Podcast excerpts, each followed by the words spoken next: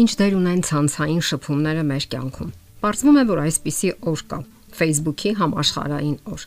Այդ օրը փետրվարի 28-ն է, եւ սոցիալական ցանցերը մեր իրականության մի մասն են դարձել։ Որոշ մարդկանց համար շատ կարևոր մասը, մյուսների համար ոչ այնքան։ Իսկ երիտասարդությունը առանց այդ ցանցերի պարզապես չի պատկերացնում իր կյանքը։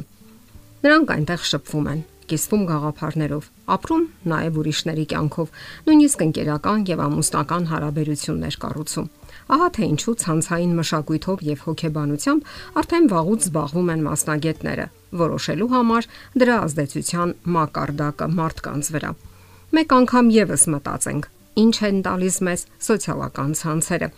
Առաջին հերթին շփման հսկայական հնարավորություն, որը նախկինում չկար։ Դուք կարողանում եք հայտնաբերել հին ծանոթներին, համադասարանցիներին, շփվում եք արտասահմանում գտնվող հարազատների հետ, գտնում եք նոր ծանոթներ, ինչու՞ չէ նաև ընկերներ։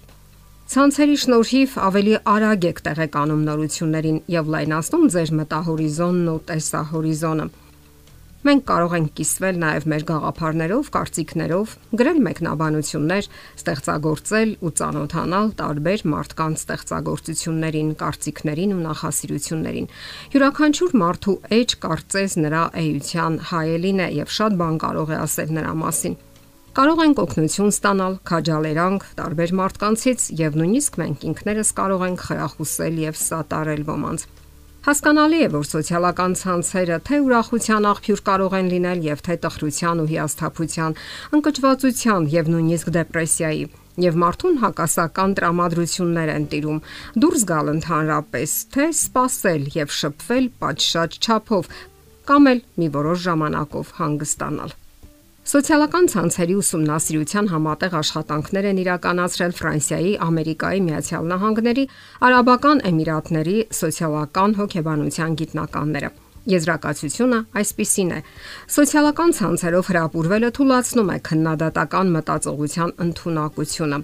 Հեղինակներն ընդգծում են, որքան շատ ենք դիտում եւ տարածում մեր այսպես ասած ֆրենդների կարծիքները, այնքան քիչ ենք կասկածում այդ գրառումների ճշմարտացիությանը եւ այնքան քչանում է հավանականությունն այն բանի, որ հետագայում մեր տեսակետը արտահայտելիս չենք նայի մեր շուրջ բոլորը։ Իսկ դա էլ վկայում է այն մասին, որ մենք կախվածության մեջ ենք շրջապատի կարծիքներից։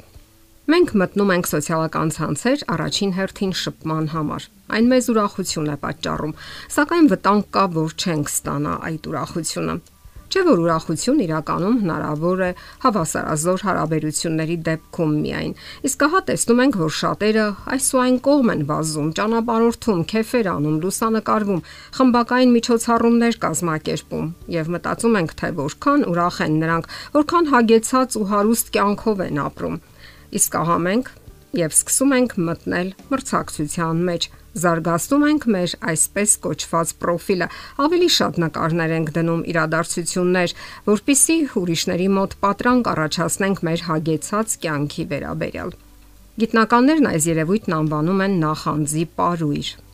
Ջորջիայի համալսարանի հոգեբանները նկատել են, որ սոցցանցերում շփումները բավականություն են պատճառում, սակայն միայն այն ժամանակ, երբ վիրտուալ շրջապատում գերակշռում են այն մարդիկ, որոնց հետ մենք արդեն լավ ու վստահելի հարաբերություններ ունենք։ Սոցիալական հոգեբան Սյուզան Նյումանը բացատրում է, որ կարգավիճակի թարմացումը եւ լայքերը մեզ մոտ այն զգացումն են առաջացնում, որ մեզ համար կարևոր մարդիկ միշտ կապի մեջ են եւ որ նրանք սատարում են մեզ։ Սակայն այս երևույթն ունի իր հակառակ կողմը։ Ընտելանալով ընկերների սատարմանը, մենք դադարում ենք վերահսկել մեզ եւ դառնում ենք խոցելի։ Քննադատությունը եւ մեզ հետ անհամաձայնությունը այդ դեպքում կարող է խիստ վիրավորել մեզ։ Նկատվել է, որ մարդիկ սոցիալական ցանցերում ավելի հաճույքով են կիսվում իրենց զգացմունքներով, մտքերով եւ փորձառությամբ Եվ երբեմն ստացվում է այնպես, որ մեր վարքագիծը ցանցում կտրուկ հակադրվում է այն կերպարին, որ ստեղծում ենք մենք իրական շփման ժամանակ։ Առավել շատ դա նկատելի է տղամարդկանց դեպքում։ Պարզվում է, որ տղամարդիկ կանանցից ավելի շատ են ցանցերում հրապարակում իրենց ստեղծագործական գաղափարները, նախագծերն ու աշխատանքները։ Սոցիալական հոգեբան Սեդ Մեյերսը գրում է. Երբ տղամարդիկ հաղորդագրություններ կամ մեկնաբանություններ են գրում, իրենց ավելի հարմարավետ են զգում, քան երբ զրուցակցի հետ շփվում են դեմ առ դեմ։ Տարածության վրա հեռավորությունից շփվելու սովորությունը էլեկտրոնային միջոցների օգնությամբ պաշտպանվածության պատրանք է ստեղծում տղամարդկանց մոտ։ Նրանք կարող են վերահսկել շփման գործընթացը, կառավարել այն եւ վերջապես ավելի անկեղծ են նման դեպքերում։ Ահա թե ինչու միանշանակ պատասխան չկա այն հարցին, թե օգտակար են արդյոք սոցիալական ցանցերը, թե ոչ։ Դա կախված է նրանից, թե ինչպես ենք վերահսկում այդ փոքրիկ սարքը, մկնիկը, եւ թե որքան ժամանակ ենք նվիրաբերում դրան։ Հարկավոր է պարզապես ուրախadir լինել. կառավարման վահանակի մոտ։ Մենք ենք։ Եթերում է ճանապարհ երկուսով հաղորդաշարը։ Ձեզ հետ է Գեղեցիկ Մարտիրոսյանը։